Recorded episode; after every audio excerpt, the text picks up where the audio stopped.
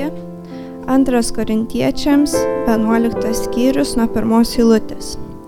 O kad jūs pakestumėte truputėlį mano kvailumo, betgi jūs ir pakenčiate, Aš paviduliauju dėl jūsų Dievo pavydų, nes sužėdavau jūs su vienu vyru, kad nuvežčiau jūs Kristui kaip skaiščią mergelę.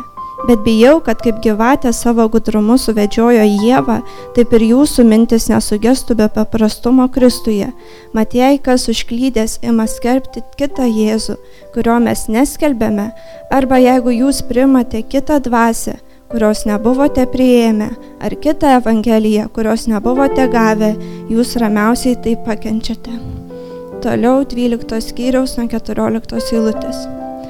Esu pasiruošęs trečią kartą atvykti pas jūs, tačiau neapsunkinsiu jūsų. Ieškau ne to, kas jūsų, bet jūsų pačių, juk ne vaikai privalo krauti turtą tevams, bet tėvai vaikams. Todėl mielai išleisiu tai, kas mano, ir dar save pridėsiu jūsų sielų labui, nors kuo daugiau jūs myliu, tuo mažiau esu mylimas. Tebūnie ir taip, sakysite, aš jūsų neapsunkinau, bet būdamas gudrus, klasta jūs apagavau. Bet ar kaip nors išnaudojau jūs per savo pasiuntinį? Paprašiau Titą keliauti ir pasiunčiau su juo vieną brolį. Ar Titas jūs išnaudojo? Ar mes veikiame ne tą pačią dvasę, ar nevaikščiojame tomis pačiomis pėdomis? Vėl jūs manote, kad prieš jūs teisinamės.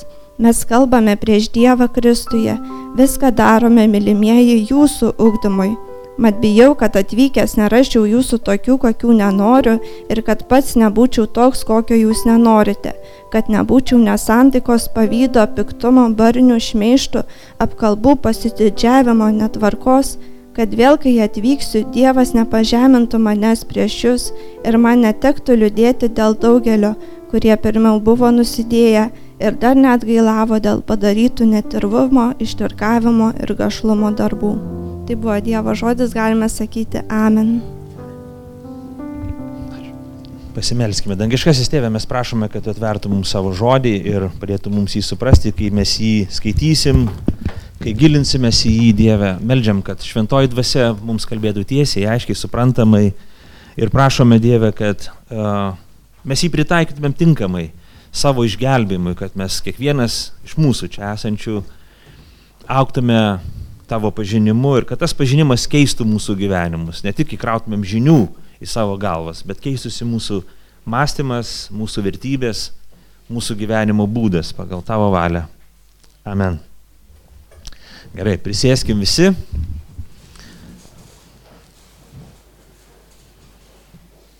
Taigi, um, mes šiandien pažiūrėsime du skyrius iš karto. Neskaitysime viso teksto, nes yra labai nemažai teksto, ilgi pakankamai skyriai. Paskaitėme pačią pradžią ir pabaigą. Ir Ir apaštalas Paulius, jisai kviečia tikinčiuosius, kad jie neliktų apgauti. Mums, manau, labai svarbu irgi išmokti tas pamokas, apie kurias rašo apaštalas Paulius, apie kurias kalba šventasis raštas, kurias mus nori išmokyti Dievas. Bet čia labai svarbus dalykas, gal ką norėčiau atkreipti dėmesį prieš kalbėdamas, e, arba jau gilindamas į patį tekstą, tai, kad e, apaštalas Paulius taip įdomiai vadina bažnyčią Kristaus nuotaką vadina bažnyčią mergelę, kuri, kuri laukia savo jaunikio. Žiūrėkit, antroji lūtė sako, aš pavydaliau dėl jūsų Dievo pavydu, nes sužėdavau jūsų vienu vyru, kad nuvešiau jūs Kristui kaip skaičią mergelę. Taigi čia labai įdomus toks dalykas, šventasis raštas, bažnyčia tikinčiųjų susirinkimą, tikinčiuosius vadina pačiais įvairiausiais pačiais įvairiausiais įvaizdžiais. Ir, ir tam, kad paaiškinu, kas yra bažnyčia, kas yra tikintieji. Tie įvaizdžiai patys, patys įvairiausi, nei vienas neskleidžia iki galo tos tikrovės, kas yra bažnyčia, kas yra Kristaus uh, surinkimas, tai yra tikintieji, kurie, kurie įtikėjo į, į, į, į viešpatį. Tai vienoje vietoje tai surinkimas, bažnyčia pats žodis, eklezija graikų kalba, tai reiškia surinkimas. Tai Tai vadinama kartais tauta, šeima, bažnyčia prilyginama kūnui, kaip žmogaus kūnui, statiniui, šventoviai ir galiausiai nuotakai. Bažnyčia yra kaip nuotaka. Kiekvienas krikščionis e, vyrai ir moterys, kurie pamilo Kristų, kurie įtikėjo jį, kurie patikėjo jam savo gyvenimą, kurie seka paskui jį, kurie ištikimai ir nuolankiai e, gyvena su juo, yra Kristaus nuotaka. Jie kaip sužadėtiniai, kurie sutiko išrinktai, pamilo jį ir jų gyvenimai pasikeitė, jie nusprendė būti su juo dabar ir per amžius. Ir čia, čia neįtikėtinas dalykas. E, Evangelija į mūsų gyvenimą atėjo Dievas, atėjo įsikūnydamas. Mes jau girdėjom šiandien, kad Dievas pamilo žmonės, nusprendė įsikūnyti, tapti vienu iš mūsų ir jisai atidavė save už mūsų nuodėmės. Jisai įsikūnijo, jisai galėjo iš, iš aukštybių priekaištauti mums, nubausti mus, pasmerkti mus už mūsų nuodėmės, už mūsų neteisybės, už mūsų gyvenimą, už tai, kaip mes maištavome prieš Dievą ir darome blogą. Bet Dievas nusprendė sulaikyti savo rūstybę ir per savo sūnų sutaikinti mūsų savim. Dievas apreiškė savo gerumą, savo kantrybę, savo meilę per Jėzų Kristų. Jėzus ant kryžiaus mirė už tavo ir mano nuodėmės. Ir šiandien jis prisikėlęs ir dovanoja kiekvienam atleidimą. Mums tai reikia tik tai išgirsti Evangeliją, apsvarstyti Evangeliją, priimti Evangeliją, patikėti širdį ir sakyti taip, viešpatie Jėzu, aš tikiu tuo, atleisk man. Ir čia vyksta tas meilės, meilės veiksmas, kai mes pamylim Kristų, mes, mes sakom, wow, neįtikėtina, Jėzus Kristus yra nuostabus. Niekas negali iš išorės pasakyti, iš šalies pasakyti, pamilk Dievą, mylėk jį, mylėk mane, niekas negali pasakyti. Bet kai mes suvokiam, klausydami Evangelijos žinios, kai mes suprantam, skaitydami Dievo žodį, kiek Dievas padarė dėl mūsų, mūsų kurdamas, mūsų atpirkdamas, paukodamas savo sūnų Jėzų ant kryžius už mūsų nuodėmės mūsų širdyse gimsta meilė. Meilė ne tik sentimentai, bet meilė kaip sprendimas, ne tik jausmai, bet apsisprendimas ir valingas veiksmas. Aš noriu būti Jėzaus, aš noriu būti su juo, aš noriu gyventi su juo, aš noriu priklausyti jam. Ir tada mes tampame, kai mes šaukiamės Jėzus, mes tampame jo nuotaka. Netiesioginė prasme, bet perkeltinė. Ir tai yra netikėtina. Tai netikėtina, kad tikintieji trokšta būti su Jėzumi. Tikintiesiems, kurie patikėjo Kristų, jiems yra gera melsis. Gal kartais nelengva. Gal kartais e, sudėtinga atrasti laiko, e, neužtenka valios pastangų, bet melsis yra gera, nes, nes kažkas girdi mūsų maldas, kažkas išklauso mūsų maldas, kažkas atsiliepia į mūsų maldas. Nereiškia, kad visos mūsų maldos atsakomos taip, kartais mūsų maldomos, maldos atsakomos ne. Bet Dievas girdi mūsų maldas ir atsiliepia į mūsų prašymus. Mes, mes trokštame gyventi tyrai, ištikimai, klusniai, nepamirždami, kad ateina diena, kai mes sutiksime tą, kuris mirė ant kryžiaus už mus. Ir tikintieji laukia. Ir panašiai kaip, kaip natūraliai gyvenime yra, kai susižadi, susižada, susižada vyras ir moteris, nėra taip, kad jie sakytų, o o klausyk, jau artėja vestuvės, o vargėtų mano, nes dabar reikės tuoktis, kartu gyventi, kaip nesinori šito dalyko. Apie tai mes skaitom tik anegdotuose, vyriškose kažkokiuose žurnaluose, karikatūrose ir panašiai, bet šiaip realiam gyvenime tie, kas pamilo vienas kitą, jie nori būti vienas su kitu. Šitoje kultūroje dabar taip nori, kad jie dar nesusituokia jau gyvena kartu. Mes krikščionys sakom, ne, ne, mes, mes negyvenam susimetę, mes gerbiam santoką, dėl to mes susilaikom ir tik, tik tai po, po santokos mes gyvenam kartu, bet mes laukiam tos dienos, kada mes išpažinsim prieš Dievą ir prieš žmonės, kad mes mylim vienas kitą ir kad priklausom vienas kitam, kol, kol mirtis mus išskirs. Taip ir krikščionis. Pamilo Kristų, pamilo Evangelijos žinę. Jam giliai iširdys įsirėžė pirmoji akimirka, kai suprato, kad Dievas jį myli, kad Dievas ne nekenčia jo, bet myli jį. Ir jo širdis visą laiką stipriai plaka ir jisai jaudinasi, kai galvoja apie tai, kai prisimena tas akimirkas, kaip Dievas jo pasigailėjo ir jisai laukia tos akimirkos, kada galės akis akis pamatyti Kristų atpirkėję savo ir sakyti, taip, aš patie Jėzu, aš myliu tave, aš priklausau tau. Taigi mes esame, mes esame Kristaus Kristaus nuotaka. Taigi, apaštalas Paulius, nu, aš išjungęs esu, apaštalas Paulius rūpinasi tikinčiaisiais. Ir jisai sako, tai 12 eilutė, kurią aš skaičiau, sako, aš paviduliauju dėl jūsų Dievo pavydų, nes sužėdavau jūs su vienu vyru, kad nuvešiu jūs Kristui kaip skaičią mergelę. Taigi, žiūrėkim, supraskim, kad tai metafora, kad tikinčiųjų susirinkimas bažnyčia yra kaip, kaip nuotaka. Kaip nuotaka, kuri susižadėjusi su Kristumi. Ir bažnyčios tarnai, visi bažnyčios tarnai, šiuo atveju tuo, tą tekstą rašo paštalas, Paulius, mokytojas, misionierius, e, tas, kuris iš tikrųjų paaiškina, kokia yra Evangelija, jis sako, mano darbas yra paruošti bažnyčią, palydėti bažnyčią iki Kristaus, kad jinai būtų pasiruošusi, kad jinai būtų uh, tinkama susitikimui su Kristumi. Nes mes, Evangelijos sumanimas toks, kad tą dieną, kai mes pirmą kartą išgirdome Evangeliją, būdami ten, kur buvome, pagauti ten, kur buvom pagauti, e, sutikti ten, kur buvom sutikti, savo darbuose, nuodėmėse, savo dalykuose, pasimetimuose ir, ir taip toliau ir panašiai, būtumėm visiškai perkeisti į kitos akimirkos, kai mes sutiksime Kristų po daugelio metų, ar ne taip ilgai užtrukus, kai mes mirsime arba kai viešpats sugrįž. Viešpats nori, kad mumyse būtų įvyktų radikalus pokytis, kad mes būtume pasikeitę.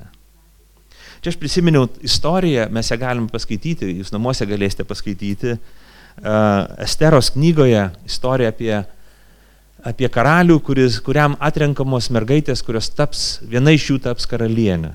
Ir ta, ta mergaitė buvo Estera, žydų tautybės mergaitė. Ir karalius Ahasveras, jis, ieškojo naujos karalienės. Ir Eunuchas Hegajas buvo tas, kuris turėjo rūpintis visomis mergaitėmis iš visos šalies, iš visos imperijos, kad atrinktų tą vienintelę, kuri bus.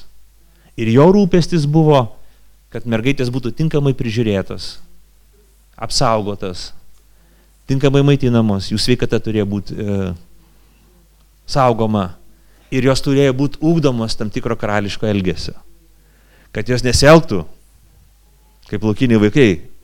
A, atėjo karalius akivaizdą savo, jam imdami sausainius, atsirūkdami valgę jį ir taip toliau ir panašiai. Ne, in, ta mergaitė atėjusi karalius akivaizdą turi elgtis kaip, kaip būsima karalienė. Jin turi elgtis atitinkamai, nes jin turi būti verta savo karalius. Paulius daro tą patį, kiekvienas bažnyčios tarnas turi daryti tą patį. Mes kaip bažnyčia esam pašaukti rūpintis bendruomenė, kiekvienu tikinčiuoju, nuo mažiausio iki didžiausio, kad mes taptumėm kaip ta karalienė Estera, kad, kad jį tuomet, kai brolis sesė atėjo į mūsų bendruomenę, to, jie girdėtų Evangelijos žinę kiekvieną kartą. Maldos susirinkime, sekmanio susirinkime, kiekvienam susirinkime, namų grupelė ir taip toliau, kad kažkas būtų, kažkoks darbas būtų daromas, kaip to eunucho rankomis išmintimi ir, ir, ir veiksmais būtų atliekamas darbas, kad, kad tikintieji kaip įmanoma labiau būtų paruošti susitikimui su Kristumi tuomet, kai jis įvyks. Paulius sako, aš paviduliauju, aš žiūriu į bažnyčią ir paviduliauju, aš žiūriu, kad niekas neprisikabintų, kad niekas nepadarytų, kad niekas neapgautų, kad jūs nebūtumėt kaip kvailiai, kad jūs negyventumėt gyvenimo tušiai ir veltui. Ir nuogastavimas nebuvo veltui, nes iš tikrųjų korintiečiai, jie buvo kaip tie vairuotojai, kurie dideliam, važiuodami dideliu greičiu pameta kažką pusiausvę ir pradeda blaškytis po kelią, tai yra mirtinai pavojingas dalykas. Taigi, kaip Paulius daro, ką jis daro, jisai, aišku, įsukdo bažnyčią. Įsukdo bažnyčią, kaip jisai prižiūri bažnyčią, kaip jisai, kaip tas jo rūpestis, kaip jo tas paviduliavimas pasireiškia ūkdymu. Ir žiūrėkit, 12 skyrių 19 eilutė taip ir sako, mes kalbame prieš Dievą antroji pusė eilutės, 12 skyrius 19 eilutė. Mes kalbame prieš Dievą Kristui. Viską darome, mylimieji, jūsų ugdymui. Taigi, kaip senovės eunuchai, kaip senovės karaliaus tarnai rūpinosi maistu, kūno priežiūrą, išsilavinimu, elgesiu, moterų, kurios bus karalienės karaliaus. Taip, apaštalas visi tarnai turi rūpintis, kad bažnyčia būtų ugdoma, kad būtų skelbiamas Dievo žodis, kad bendro susirinkimo, kai tikintieji susirenka, didesniai, mažesniai grupiai būtų skelbiamas Dievo žodis, kad būtų ugdoma maldingumo dvasia, kad pats bendravimas mūsų tarpe nebūtų rasborkės, patinka, nepatinka, draugelių karočią susitikimai, bet kad būtumėm tie, kurie Jėzaus Kristaus buvimu gerbiam vienas kitą, ugdom vienas kitą, rūpinamės vienas kitu. Dėl to Paulius skelbė Evangeliją Korinte, kai dar nebuvo tikinčiųjų. Todėl jisai mokė tikinčiuosius tuos, kurie įtikėjo, mokė Evangelijos. Mokė viešai, mokė privačiai, visais įvairiausiais būdais. Jis rašė vieną po kito laiškus korintiečiams dėl to, kad jie pažintų Kristų, kad elgtųsi taip, kaip moko Evangelija. Paulius rūpinosi, jis norėjo, kad tikintieji būtų perkeisti. Jeigu mes neperkeičiami, mes liekam tokie pat, laukiniai, pagonys, nepipjausyti. Nebūsim panašus į savo atpirkėją. Tiesiog būsim, kas mumise pasikeis, kad mes turė, žmoks, vadinsimės krikščionimis, bet iš principo realiai mes būsim tokie pat žmonės, kokie buvom iki šiol. Taigi, reikim, Pauliaus rūpestis ir mūsų kaip bendruomenės rūpestis turėtų būti, kad kiekvieną kartą mes ugdytumėm vienas kitą Kristuje. Kiekvienas turim skirtingas dovanas, vienas vieną, kitas antrą, kitas trečią. Kiekvienas iš mūsų turime ją naudoti tą dovaną. Kiekvienas iš mūsų turi būti nuolankus priimti kito dovaną, pavesti Kristaus mokymui, ne užgaidom keistom, bet Kristaus mokymui patys pažinti Dievo žodį ir pavesti save, leisti, kad viešpats mūsų ugdytų ir panašiai. Taigi Paulius tuo rūpinasi ir, ir, ir taip toliau ir panašiai. Ir jisai ten 12 skyriui 14-15 eilutė rašo, kad mes viską atiduosim, mes viską atiduosim, mes viską atiduosim, mes atiduosim patį save, mes turim, mes kaip tėvai, kurie rūpinasi vaikų išsilavinimu, gerovę, duoda viską savo vaikam. Duoda, nuperka rūbus, nuperka reikalingos priemonės, kad jie mokytųsi, atiduoda save, daug dirba, papildomai dirba, kad vaikai turėtų tai, ką, kas reikalinga jų gyvenimui ir, geroviai. Tie papaštos sako, mes taip pat rūpinamės. Dievas to tikisi iš mūsų, jeigu mes ūktelim ir brestam Kristui, kad mes darytumėm tą patį. Realiam gyvenime nebuvo taip viskas sklandu, kaip mes žinom, mes jau skaitom, ne tik pirmą korintiečiams skaitėme, bet ir antrą jau baiginėjom visai, kad korintiečiai nebuvo patys geriausi krikščionys, nebuvo patys geriausi mokiniai. Dažnai kaip mes. Jie maištavo, darė nuodėmės, klaidas, buvo pasipūtę, neklusnus. Dėl to Paulius iš tikrųjų nerimauja, jis netgi, sakykime, išsigandęs ir jisai, jisai ryštasi elgtis kvailai taip, kaip elgėsi kvailai patys korintiečiai. Korintiečiai buvo pasipūtėliai, išdidų žmonės, kaip jau esam girdėję, kad jie buvo labai sėkmingi finansinė prasme žmonės, jie buvo turtingi. Ir tai, tai skatino jas pūstis, nes jie galvojo, o aš pasiekiau, tai aš vertas, aš protingas, aš galiu pasitikėti savim. Bet tą mąstymą ne tik į finansinę srityje perkelia, bet perkelia ir į dvasinę. Galvoju, o, jeigu man sekasi finansiniai srityje, man taip pat sekasi ir dvasiniai. Nebūtinai. Mes galim būti finansiškai labai sėkmingi, bet, pavyzdžiui, šeimoje būti visiškai nevykėliai. Dvasiniai srityje mes galim būti visiškai akli. Sėkmė vienoje srityje nepadaro mūsų sėkmingų visose srityse. Ir e, korintiečiai klydo. Jie elgėsi kvailai, jie buvo pasipūtę, Jie gyrėsi savo pasididžiavimais ir jie klausė tų mokytojų, kurie taip pat buvo pasipūtę. Dėl to Paulius, ką daro, jisai, jisai varomas dviejų baimių, jisai, jisai, jisai rašo šitas, šitos du skyrius, 11 ir 12 skyrius. Ir Paulius turi dvi baimės, apie tai ir pakalbėsim šiandien. Apie vieną daugiau kalbėsiu, apie kitą trumpiau. Taigi, pirmoji baimė tai apgaulė arba suvedžiojimas. Trečia eilutė sako, žiūrėkit, 11 skyrius, trečia eilutė sako, bijau, kad kaip gyvatė savo gudrumu suvedžiojo Jėva, taip ir jūsų mintis nesugestų be paprastumo Kristuje. Šį pavasarį aš buvau Stambulė ir aš buvau apgautas. Man atrodo, kad aš buvau labai budrus. Ir aš taip pasitikėjau savo tokiu budrumu, kad aš budrus, žiūriu, kad mane šiandien įtrauktų, neįstumtų, neparduotų kažkokių dalykų, bet mane apgavo. Ir aš ėjau gatvę, siaura gatvytė, mes galvojom, išvengsim žmonių srauto ir jam tokia siauresnė gatvytė, kad būtų mažiau turistų. Ir jie vienas žmogus, kurie valo batus, žinot, čia Lietuvoje niekas gatvė nevalo batų už pinigus, o ten vaikšto žmogelis su medinė dėžė eina Ir jis mane aplenkė, ten daugiau žmonių buvo ir staiga jam nukrito šepeti, šepetys, šepetys, taip priekirčiu. Paukšt nukrito šepetys nuo, nuo, nuo dėžės, kurią jis nešėsi. Aš galvojau, ašgi krikščionis turiu pakelti, aš pakėliau tą šepetį ir padaviau jam, sakau, ei, žmogau, tu pameti šepetį. Jis susijaudino labai giliai, kad tokio mano dosnumo ir, ir gerumo, jis susijaudino, pasimetė šiek tiek ir sako, o, davai aš nuvalysiu tau batus. Aš galvoju, a, mano batai buvo medžiaginiai, aš galvoju, ką, nu, bet gerai galvoju, nu čia kažkaip žmogus jaučiasi atsakingas kažkaip, arba, nu, dėkingas. Jis pradėjo valyti vieną batą, mano kitą nuvalė, kažką papasako istoriją, kaip jo vaikų čielkanė yra ir taip toliau kažkur, kažkokiam pasaulio krašte. Ir sako, man dabar sumokėk 20 dolerių. Aš sumokėjau ir pasakiau, kas čia buvo? Ir supratau, kad mane apgavo. Tik paskui, kai jis kažkur dingo, aš prie bičiulio prieėjau, jis sako, jo, jo, apgavo tave. Man baisiai pasidarė, piktą, liūdna, aš pradėjau gal, oh, koks aš kvailas, ašgi žinau, aš turėjau būti pasiruošęs. Aš galvoju, aš dabar norėčiau kokį nors džudžitsų veiksmą panaudoti prieš tą žmogelį. Pasirodyk man kur nors, pasirodyk kur nors. Uh, aš paskui grįžęs jau mačiau video vieną, kuriame moko, kaip Turkijai nepasikabintant šito tokio dalyko, nes jie tai daro nuolat. Ir paklausykit manęs, mes nuėjom 20-30 minučių kelią, viena, eina vienu tiltu ir žiūri panašus žmogelis eina. Aš paklausiau savo bičiulio, sakau, čia ne tas pats, sakau, ne, ne tas, ne, nes aš greičiausiai jau matė, kad aš pulsiu jam į atlapus ir bandysiu atkovotos 20 mm, pinigų. Ir sako, ne, ne, ne tas pats, nepult. Mes ėjom kokį 10 metrų iš paskos ir, ir žiūri, eina jisai ir vėl jam nukrenta šepetys. Ir tokie aukšti žmonės, atrodo kaip skandinavai, vienas vaikinukas jį pakelia ir atiduoda. Ir jisai vėl sutriko pasimetė tokio dosnumo, jisai galvoja kažkaip savo skolą išpirks ir sako, gal aš tau nugaliu nuvalyti batus. Man širdis tu, tu, tu, tu, tu plaka, aš galvoju, nu negi, negi tu tai padarysi, negi dabar, aš tada tikrai, tada jau, nu, ne, dabar man, tikrai turiu teisę jam jau pulti aplapus.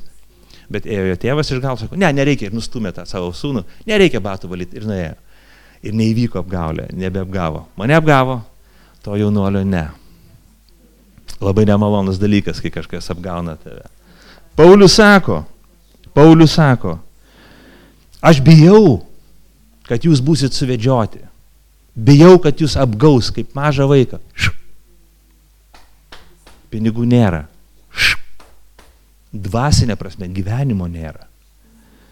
Ir, ir Paulius, Paulius dėl to rašo laišką, rašo taip aštriai ir, ir, ir, ir, ir panašiai. Ne? Taigi, pirmas dalykas, netikri darbininkai. Mes jau esam trumpai kalbėję apie tai bažnyčiai pasirodė netikrų darbininkų.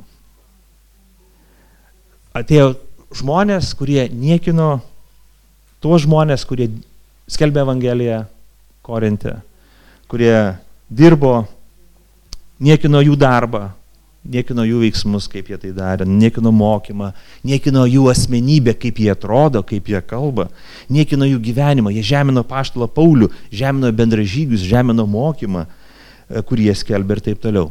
Tai buvo žmonės, kurie atitiko graikų kultūrą. Tai buvo viešųjų ryšių žmonės, kurie sugebantys sukurti įspūdį kitiems. Įspūdžio žmonės. Jie gražiai atrodė.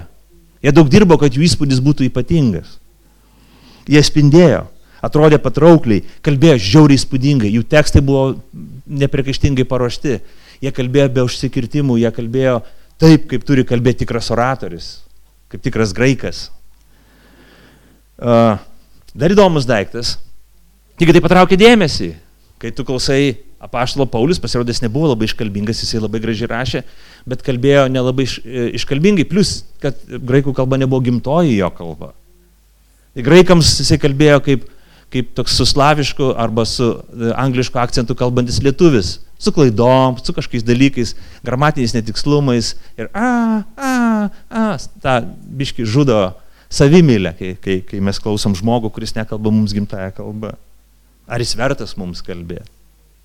Taigi nedarė įspūdžio Paulius. Bet kiti atėjo kostiumuoti, gražiai apsirengę, gražiai atrodantis, prisimokė YouTube'ose, Facebook'ose, TikTok'ose, kaip reikia atrodyti, kaip reikia stovėti, kaip pasukti galvą, kaip įtraukti pilvą, kaip išspausti orą, kaip reikalingoj vietoj sužadinti emociją ir taip toliau. Dar vienas dalykas įdomus, tai kad jie imdavo pinigus, nes tai buvo jų verslas ir amatas. Jie ruoždavosi, dirbdavo, treniruodavosi tam, kad uždirbtų pinigų. Ir šiandien ir, ir, ir tuomet taip pat mąstė žmonės, galvoja, o, kažkas kalba už dyką, Paulius sako, aš kalbu už dyką, gal sako, tai dėl to, sako, jūs niekinat mane, kad aš už dyką jums kalbu. Žiūrėkit, ar ne taip pat mąstome šiandien, kažkas kalba mūsų už dyką, a, nu va, fainai, fainai, bet kažkas sako, o, jis pakalbės ir tai, tai kainuos tiek, tiek pinigų, galvoju, brač, iš tikrųjų, jeigu pinigus įmat, greičiausiai kažką tikrai turi ką pasakyti. Ir jie galvoja, ką tas Paulius, nelabai ir moka kalbėti, net gražiai atrodo, ir už dyką mums čia kalba iš principo. Tai geriau klausysim tų, kurie, kuriems reikia daug mokėti pinigų, kad jie mums kažką pašnekėtų, papasakotų, geras jausmas. Žinai, kai aną kartą, kai kalbėjo, šiurpas ėjo per odą.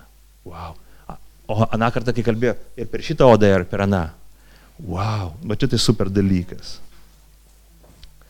Taigi, bet vienas esminis reikalas, ketvirtą eilutę sako, kad jie kalbėdami daug, jie nustojo kalbėti apie Jėzų.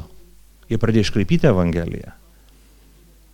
Jie skelbė kitą Jėzų, kitą Evangeliją. Matėjai, kas užklydęs, ketvirtiltė sako, ima skelbti kitą Jėzų, kurio mes neskelbėme. Arba jei jums, jūs priimate kitą dvasę, kurios nebuvote prieėmę, arba kitą Evangeliją, kurios nebuvote gavę, jūs ramiausiai tai pakenčiate. Štai kur visa bėda. Kad tie kalbėtojai kalbėjo dėl kalbėjimo ir Ir jie nebeskelbė Evangelijos, nebeskelbė kryžius, nebeskelbė transformacijos, nebeskelbė atgailos, nebeskelbė, nebeskelbė pasikeitimo. Jų galutiniai tikslai buvo kažkokie kiti, bet nebe Evangelijos tikslai. Ir neįtikėtina, korintiečiai pakeičia, sako, o, mes klausom šitų, bet ne, ne Paulius. Jeigu jie turėjo, būtų turėję nors kiek proto ir būtų supratę, kas ten vyko, kas vyko jų gyvenime. Paulius geriausias misionierius, sėkmingiausias misionierius žmonijos istorijoje ir krikščionybėje.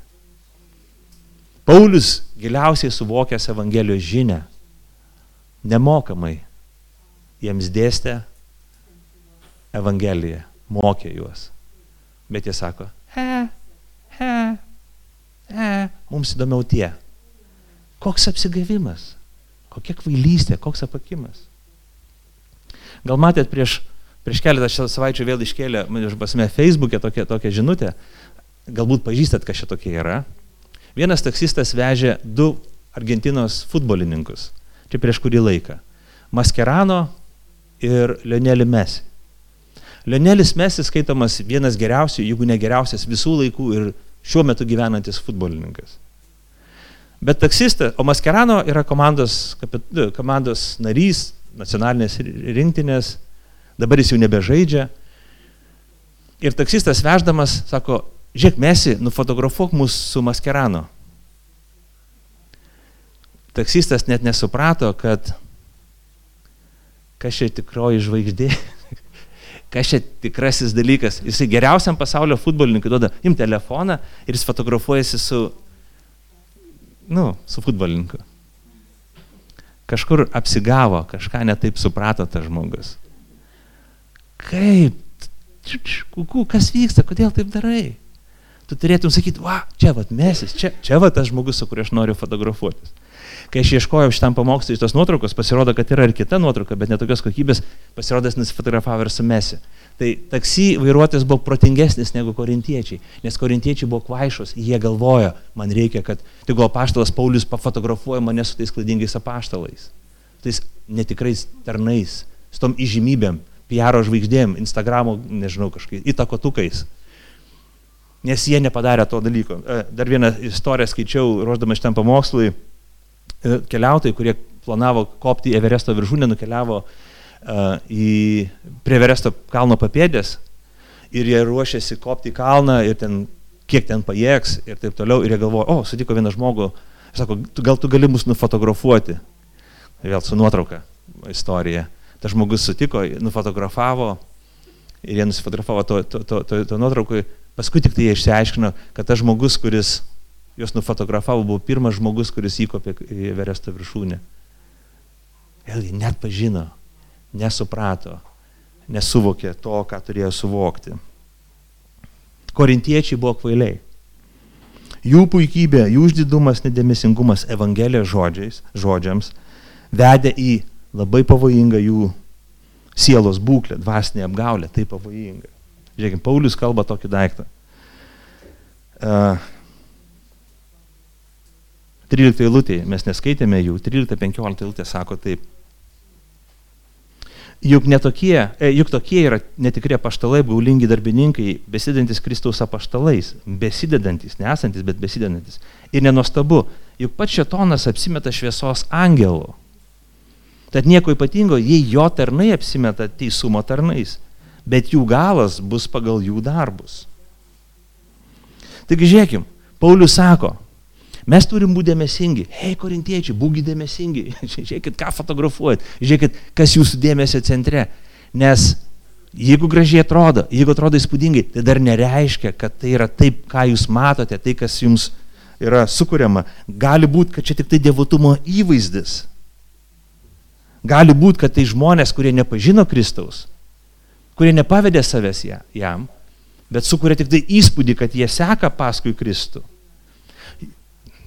Šventas raštas mums sako, Paulius čia sako, negi bus taip, kad velnės ateis pas tave ir sakys, tuk tuk labą dieną, žaiskim garbingai, aš esu velnės ir aš dabar tave gundysiu šitoj, šitoj ir e, teisingumo dėlį dar ir šitoj gyvenimo srity. Būk pasiruošęs, kviečiu į duelį, rytoj prasidės 15-8 gundimai. Ar tai būna? Ne, tai nerealu, netikroviška. Velnes ateina į mūsų gyvenimą kaip tiksli tikrovės, dievotumo, krikščionybės, gerumo, šviesos angelo kopija. Ja atskirti yra labai sudėtinga. Labai sudėtinga.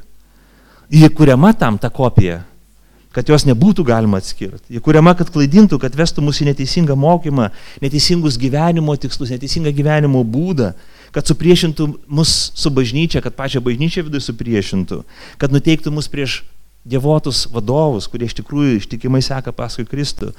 Jie kuriama, kad iškraipytų tiesą, sukladintų krikščionis.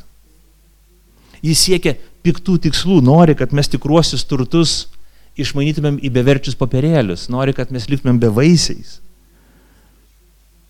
Kad mes sukčiam išdalintumėm savo santaupą, sakykim taip. Ir Paulius sako, Paulius sako, nėra taip lengva jos pažinti, reikia įgusti aš atvažiavau į Stambulą ir aš nepažinau sukčiaus, kuris atrodė labai nuoširdus žmogus, jis labai nuoširdžiai su manim kalbėjo, jis labai nuoširdžiai buvo nustebintas, vos ne iki ašarų, kad aš jam gražinau šepetį, kurį jo darbas tą šepetį pamesti nuolat. Aš jam atidau pinigus iš gailestingumo ir pasimetimo, o pasirodo tai buvo apgaulė, tiesiog apgaulė, aš buvau kvailys, eilinis kvailys, kurį sutinkate dešimtimis per dieną Stambulo gatvėse. Pažinti nelengva.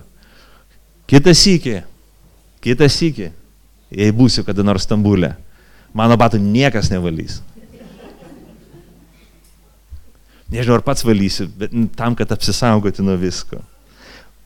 Jėzus sakė, pažinti nelengva. Paulius antrina, pažinti nelengva. Dėl to sako, reikia žiūrėti vaisius bet jų galas bus pagal jų darbus, reikia žiūrėti vaisius, reikia išvelgti, kokie jų gyvenimo vaisiai. Dėl to krikščionis būna dėmesingi, brandus krikščionis būna dėmesingi.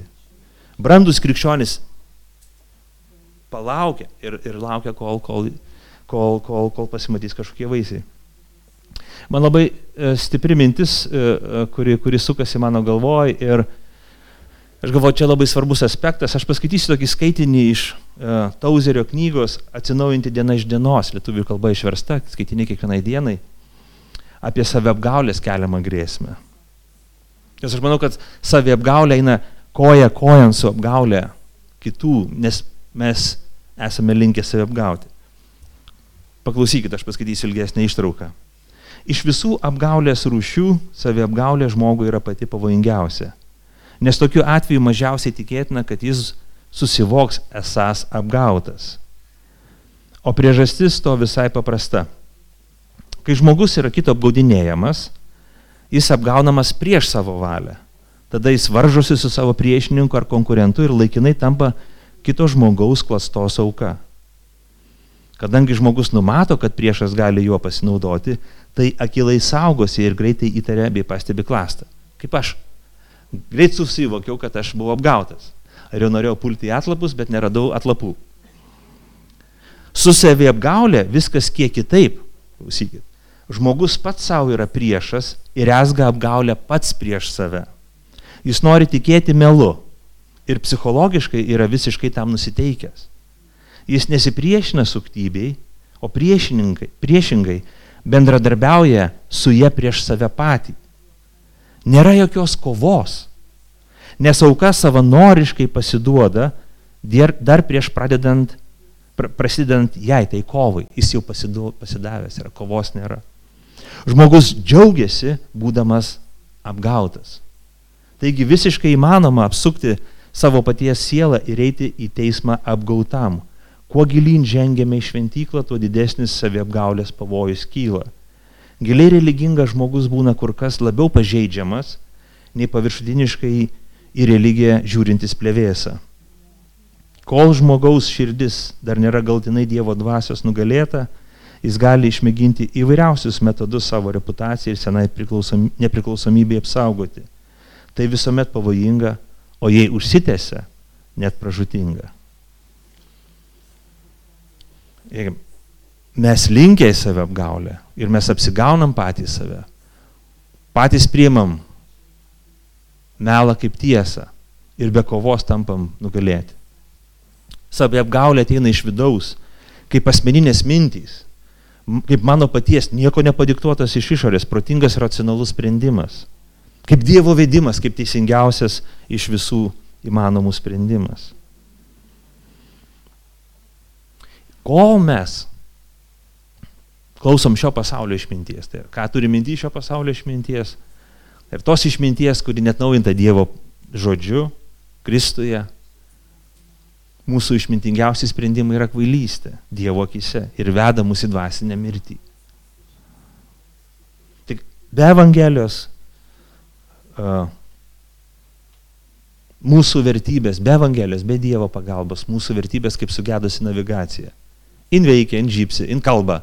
Sukite tuo keliu, sukite tuo keliu, apsisukite, sukite tuo keliu, bet veda ne ten, kur reikia. Tu važiuoji ir žiūri, čia tu gausi baudą, nes tu važiuoji prieš eismą. Važiuoji, važiuoji, sustoji, ne toj vietoje esi, nesusigaudai, kur esi, in tave klaidina. Dėl to Paulius sako, mums reikia budrumo. Mums reikia tokios, mes dabar visi kalbam Lietuvoje apie oro gynybos sistemas, kad mums jų reikia. Tai ta dvasinės gynybos sistemų mums reikia, kad mes būtumėm budrus, kad galėtume būti išmintingi, kad mes nepasikabintumėm ant neteisingų dalykų. Ir Paulius čia kalba, rašo, skatindamas krikščionių budrumą. Dabar žiūriu, laikas greitai bėga, aš nebenoriu labai plėstis.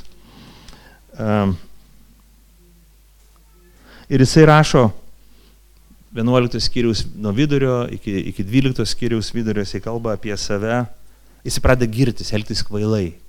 Jis pradeda girtis, sako, o klausyk, jūs korintiečiai linkia girtis savo pasiekimais, turtais, Jūsų mokytojai, kur jūs klausot, linkia girtis ir pūstis, sako, aš galiu irgi pasigirti, būsiu kvailys. Ir jeigu skaitysit atidžiai, pirma, pirmoji 11 skyrius eilutė, 16, 17, 18, visur Paulius kalba apie tai, kad krikščioniui nedėra girtis, krikščionis nesigiria. Bet tai yra kaip kvailystė, kvailys giriasi. Bet jei mes pažinome viešpačių, kaip dešimtos skyrius pabaigoje parašyta, kas giriasi, tas įgiria viešpačių. Krikščionybė mums mus atveda labai aiškiai tiesą, kai mes pažinom Kristų, kai mes pažinom Jo Evangeliją, kai supratom Evangelijos esmę, kad turtingas Dievas atėjo pas mus vargšus, pas mus nusidėlius. Mums atvėrė tiesą, kad Dievas mums viską davė. Viskas, kas mes esam, visa, ką mes turim, visa, ką mes pasiekėm, yra Dievo dovana mums duota. Niekas nėra mūsų. Mes gimėm tam tikroje šeimoje, kad mes gimėm Dievo dovana, mes gimėm tam tikroje šeimoje, tai Dievo dovana, gimėm tam tikroje kultūroje, tam tikroje aplinkoje, tam tikram aprūpinime, tai Dievo dovana, Dievas mums davė galimybę slavintis, mokytis, kai dar mes net nesuvokėm tų dalykų, kai mama, mokykla, darželis, ūkdymo um, kitos įstaigos mus ūkdė ir lavino, tai Dievo dovana. Ir visos aplinkybės, kurios susiklosė taip, kad mes esame tai, kas esame ir gabus padaryti tai, ką mes gabus padaryti, yra Dievo dovana. Ir kai mes tai suvokiame, sakom, o, man nėra ko didžiuotis, Dievui vienam garbė. Pasipūtimas yra kvailas dalykas, pasipūtimas yra arogantiškas mąstymas, kad aš viską padariau savo rankom. Bet tikrovė ir tiesa yra tokia, kad Dievas savo malonę viską mums davė ir mes sakom, o, Dievui išlovė. Jeigu aš sugebu kažką padaryti, Dievui išlovė. Jeigu mes pasiekėm kažką, Dievui išlovė. Bet štai Korintiečiai didžiuojasi, jie krikščionys, bet didžiuojasi. Paulius sako, būsiu kvailys ir aš pasididžiuosiu. Ir mes tada galvom, o Paulius dabar prašys tokį savo gyvenimo prašymą, kad visiems visi žaktels, nes Paulius gali prašyti, kiek jis parašė straipsnių, knygų, kiek bažnyčių įkūrė ir taip toliau ir panašiai. Bet jis kai pradeda rašyti, Gary Milleras yra gražiai sudėliojęs su, su, su, su, tokius tris teiginius. Pirmas dalykas, kad jis giriasi kuo? Kentėjimais Ir jeigu mes žiūrėsim 11 skyrių nuo 22 eilutės beveik iki skyrius pabaigos, Paulius rašo, kiek jis kentėjo. Ne tai, ką jis padarė, ne ką jis pasiekė, bet taip, kaip kentėjo, kaip jis buvo mušamas, plakamas, skandinamas, nekenčiamas, kaip buvo rengiami samokslai prieš jį, kaip jis kentėjo, panašiai kaip kad Kristus yra kentėjęs už savo bažnyčią. Neįtikėtina, Paulius pasakoja visai kitų kursyvų. Jis ne į save rodo, bet rodo, kad rodo į Kristų, kuris yra skelbiamas nepaisant visų kančių. Paulius ištikimai tarnauja bažnyčiai. Taigi pirmas dalykas, jisai giriasi kentėjimais. Antras dalykas, jis giriasi pažeminimais. Ir tokia jokinga istorija, prieš ten, nu, ne visai jokinga, bet jokinga skamba. Uh, Taip, 11 e, skyrius gale. Jis kalba apie tai, kad kai jis buvo Damaskė, prieš jį buvo paskelbtas mirties nuosprendis ir jį per sieną nuleido pintiniai žmonės, kad pabėgtų. Miestai paprastai turėdavo sienas, didžiulės auksas, kad priešai neįkoptų. Paulius visi ieškoja visą mieste, žinodami, kad jam jo laukia mirties bausmė, lang, per langą jį įdeda į pintinę ir virvę nuleidžia. Tai buvo žiauriai gėdingas dalykas. Roma buvo milžiniška imperija. Joje buvo gale ir jėga buvo, garbė buvo garbinama. Būdavo toks ordinas, korona muralis, sienos karūna, suteikiama tam kariui, kuris pirmas įsiveržė per sieną. Ir jo būdavo apdovanojami kariai, kurie pasižymėjo. Romos imperijai garbė, ryštas atvangavo, tai buvo garbinama. Ir Paulius nepasiduoda šitam pagundimui, sako, o aš, sako, buvau kaip koks kriminalas, kaip kokia šiukšlė, kaip atmata išmestas per, per, per, per šitą, per, per, per sieną. Tai buvo gėdinga. Niekas nenorėjo didžiuotis tuo, kad jie bėgo kažkur. Visi nori didžiuoti savo kažkokiais kietais pasirinkimais, parodyti, kad aš esu kietas virukas. Taigi pirmas dalykas, Paulius giriasi savo kentėjimais giriasi savo pažeminimais. Nu ir galiausiai trečias dalykas, 11 skyrius pradžia, jis giriasi savo silpnumais.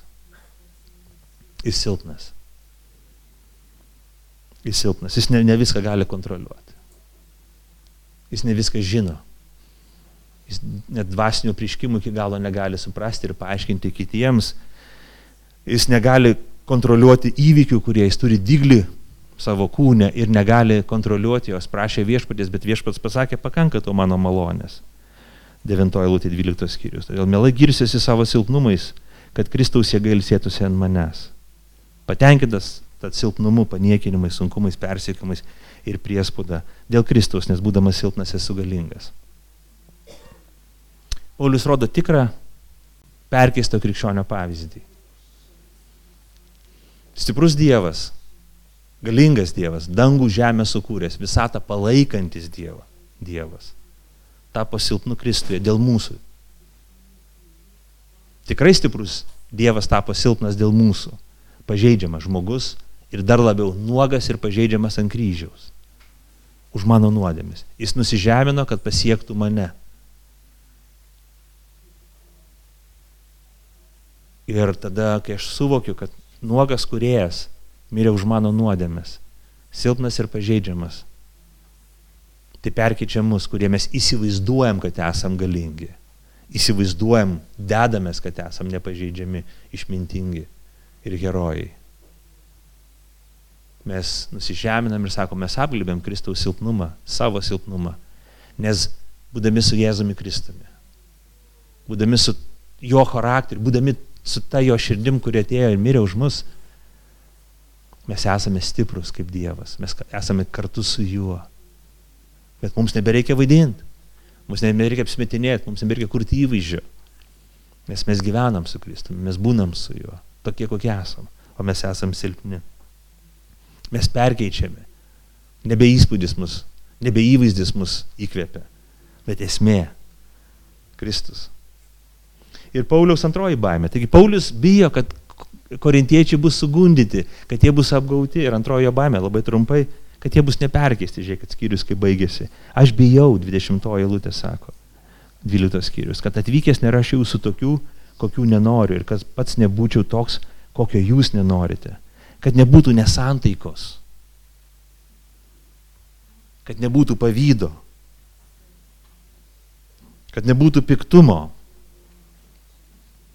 Kad nebūtų barnių. Kad nebūtų šmeištų. Apkalbų.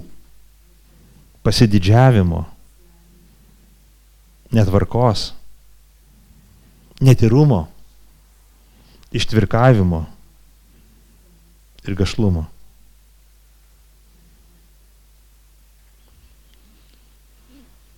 Mes tai darom kaip žmonės. Bet jeigu mes pažinom Kristų, jeigu mes pažinom tą nuogą atpirkėją, kuris buvo nukryžiuotas už mūsų nuodėmes, ir išpažįstam tą, kuris prisikėlė iš mirties ir šiandien gyvas, kad perkeistų mus tas pasikeitimas mumise įvyktų. Einant laikui, kai mes klausome Evangelijos, kai mes sekame Evangeliją, kai stengiamės gyventi kaip Evangelija mokosi, moko, mes keičiamės. Rudenį, praeitą rudenį aš pradėjau lankyti su sunumis, pradėjau lankyti džidžitsų treniruotės ir imtynės braziliško džidžitsų. Ir Tačiau dėl įtemptos dienotvarkės mes galėjome nueiti vieną kartą į savaitę. Treniruotės vykdavo tris kartus į savaitę, aš galėjau vieną kartą, kartais net nenueidavau. Dėl to mes pradėjom, kai kurie buvo ten šiek tiek susipažinę su tomis imtynėmis ir žinojo, bet faktiškai didžioji dalis jie žinojo tiek pat, kiek mes. Ir pirm, pirm, pirmom treniruotėm mes visi ten rungėmės, nes tai naujai atsidaręs klubas, vienodai ten vartėmės ant atamio ir, ir buvom lygiai verčiai.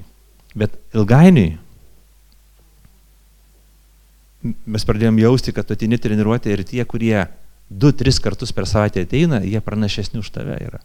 Jie, ir surečia mane jo žaragą, atsiprašant. Mes grumėmės, grumėmės, aš jaučiu, kad man oro nebeužtenka. Jaučiu, kad kaip žuvis į krantą išmestas, nes nebeužtenka ištvirmės. Nes tie, kurie nuolat treniravosi, kurie žiūrėjo, kaip reikia įgusti, kaip reikia daryti, taikė, taikė, taikė, jie tapo geresni nei aš. jų įgūdžiai pranoko mūsiškius. Paulius bijo, kad jisai jiems skelbė Evangeliją prieš tiek tai laiko. Ir korintiečiai jau turėjo būti išsitreniravę, kad jie neturi gašlauti, neturi elgtis netinkamai, kad nėra cool, kai krikščionys tarpusai pliekė, sako, tu toks, tu nok, o tu pažiūrėk į save, kokia tavo roža ir panašiai. Tiesiog taip net yra krikščionim elgtis. Ir sako, aš bijau, sako, aš ateisiu. Jis rašo laišką. Aš sako, bijau, kad ateisiu ir tai išgirsiu jūsų tarpę. Sako, man bus gėda. Kaip, kaip, kaip apaštalas, kaip Kristaus tarnas, aš turėsiu tai reaguoti. Aš nenoriu taip reaguoti. Aš noriu, kad Kristaus nuotaka, bažnyčia, kuri patikėjo Kristumi, kad jin būtų verta savo atpirkėjo, verta savo viešpaties. Kad nuotaka, prisimenam pavyzdį iš Seno testamento Esterą, atėjus į karalius akivaizdą po ilgo pasirašymo laiko, kad jis spindėtų kaip nuotaka, kaip tikra karalienė, o ne kaip kokia bobelė iš, iš patvario paimta. Paulius bijo šito dalyko. Brangieji, tai didelis įspėjimas ir mums, kad laiko einant mes, mes neliktume tokie pat, bet kad keistumės. Ir keletą minčių, ko mes turėtume išmokti. Pirmas dalykas - dėmesingumo dėmesingumo, kaip Lietuvai reikia oro gynybos sistemų, kad raketos neatskristų netyčia, tokiam bepročiai paspaudus ten raudoną mygtuką, Tai mums reikia dvasinės gynybos sistemų, tai yra dėmesingumo, kad nebūtume suklaidinti, kad mes nepasiduotumėm kažkam lengvam įspūdžiui, pirmam impulsui, saviapgauliai ir kitiems dalykams. Mums reikia išminties, išvalgos, savikontrolės, nuolatinio viešpaties buvimo, kad jis mums padėtų tinkamai ir teisingai elgtis gyvenime.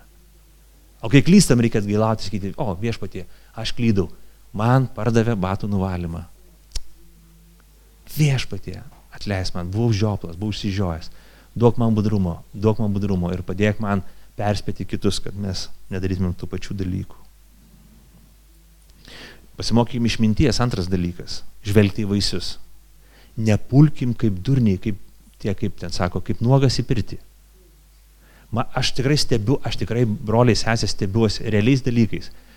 Būna žmogus bažnyčiai daug metų ir staiga atvažiuoja kažkoks neregėtas, nematytas žmogus ir pradeda kalbėti kažkas pievas, sako, wow, va čia tai mokymas.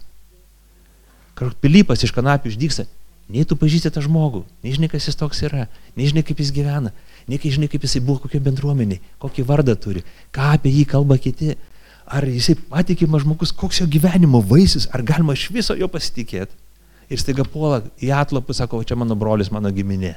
Visi, o dabar jis mano mokytojas. Kažkur matytas, kai tai korintiečius galvoji, Jergau, čia kalba apie Lietuvą, apie mus kalba. Būkime išmintingi, Evangelija, Jėzus sako, žiūrėk į vaisius, Paulius sako, žiūrėk į vaisius, neskubėk, pažiūrėk kaip ilgoji distancijai, pakalbėk su tais, kurie daug metų juos pažįsta. Ir tada prim sprendimą, pasitark su, su brandesniais krikščionėmis, neskubėk, būk nuolankus sustoti, nepasitikėk savo pirmų įspūdžių, nes tai negerai. Net ir Evangelijai mes turim nekviesti žmonių patikėti iš karto Evangeliją. Davai patikėk Evangeliją ant emocinės bangos. Ne, mes turim sakyti, apmastyk, apgalvok, pasverk viską. Įsitikink tuo teisingumu mokymo, kurio tu mokomas ir tuomet prims sprendimą, bet kai primsi, nebedvėjok. Dar trys dalykai, trumpai. Dievo žmogus niekada savęs negeria. Paulius savęs negyrė, sako, aš esu kvailys, elgiuosi kaip kvailys, pakeskit mano kvailumą, girdamas save. Ir tai ne save gyrė, bet gyrėsi savo silpnumais, kančiomis ir savo gėdą. Dievo žmogus savęs negyrė. Krikščioniška branda yra pasitraukti šoną, Kristų liūdyti ir skelbti, būti mažiau egocentrišku, mažiau alpstančiu tolygiau kvepuojančių. Ne į save mes rodom, bet į jį, į Kristų. Turim ramybę su juo. Ketvirtas dalykas. Dievo žmonės neišnaudos tų, kuriems tarnauja. Mes vieni kitais manipuliuojam, linkę manipuliuoti. Net nejaučiam, kaip manipuliuojam. Bet jeigu mes sekam paskui Kristų, jis mus išmoko sustoti ir nemanipuliuoti, neišnaudoti tų, kam tarnauja. Vaikai, senoliai, bažnyčios žmonės, kažkas, mes nenaudojam kitų žmonių kaip malkų savo, savo pečiui pasišildyti. Mes tarnaujam tiem žmonėm, kaip apaštalas Paulius. Atiduodam save, išdalinam save kaip tėvas savo vaikams. Nu ir ketvirtas, penktas dalykas. Aukimės, aukime malonėje, kad keistumės į Kristaus pavyzdį. Mes patys savęs nepakeisim. Nepakeisim savęs. Dabar, davai susijimam dabar visi ir duodam savo pasižadėjimą. Vienas, du, trys, būsim geri. Nu, ir būsim geri tol, kol pasakysim tuos žodžius. Ir čia paskui stumdysimės, kas pirmas išeis pro duris, nes tas, vat, tas vat nepraleido manęs, atsiprašant. Mes tik, kai klausom Evangelijos, kai klausom Kristaus žinios, kai apmastom jį, kai bendraujam su juo, kai branginam Dievo žodį ir paklūstam Dievo žodžiai, pokyčiai mumis įvyksta, bendraujant su juo. Tad te vyksta pokyčiai mūsų širdyse. Ilgai kalbėjau, pakilkim maldai. Dangiškasis tėvė, dėkojam tau už tavo malonę. Dėkojam tau už tai, kad tu mus taip pamilai ir atidavai savo sūnų Jėzų už mūsų nuodėmes. Kad mes gyventumėm tau, kad, kad mes galėtumėm džiaugtis bendrystę su tavim. Kryžius viską sutaiko, kryžius viską atleidžia, kryžius viską pakeičia. Ir mes melžiame viešpatie, kad kryžiaus žymės būtų mūsų gyvenime, kad mes būtumėm perkeisti Evangelijos žinios, kad auktume malonę, kad pokyčiai mūsų širdyse būtų, kad nebūtumėm naivų žmonės, kad būtumėm dėmesingi, išmintingi Dieve, kad žvelgtumėm giliai į procesus, kad mes nesipuikuotumėm, bet visais, visose savo gyvenimo aplinkybėse išlovintume ir girtume tave, kad niekada neieškotumėm savo naudos, kaip moko Evangelija, bet tavo ir kitų žmonių. To prašom per Kristų mūsų viešpatį. Amen.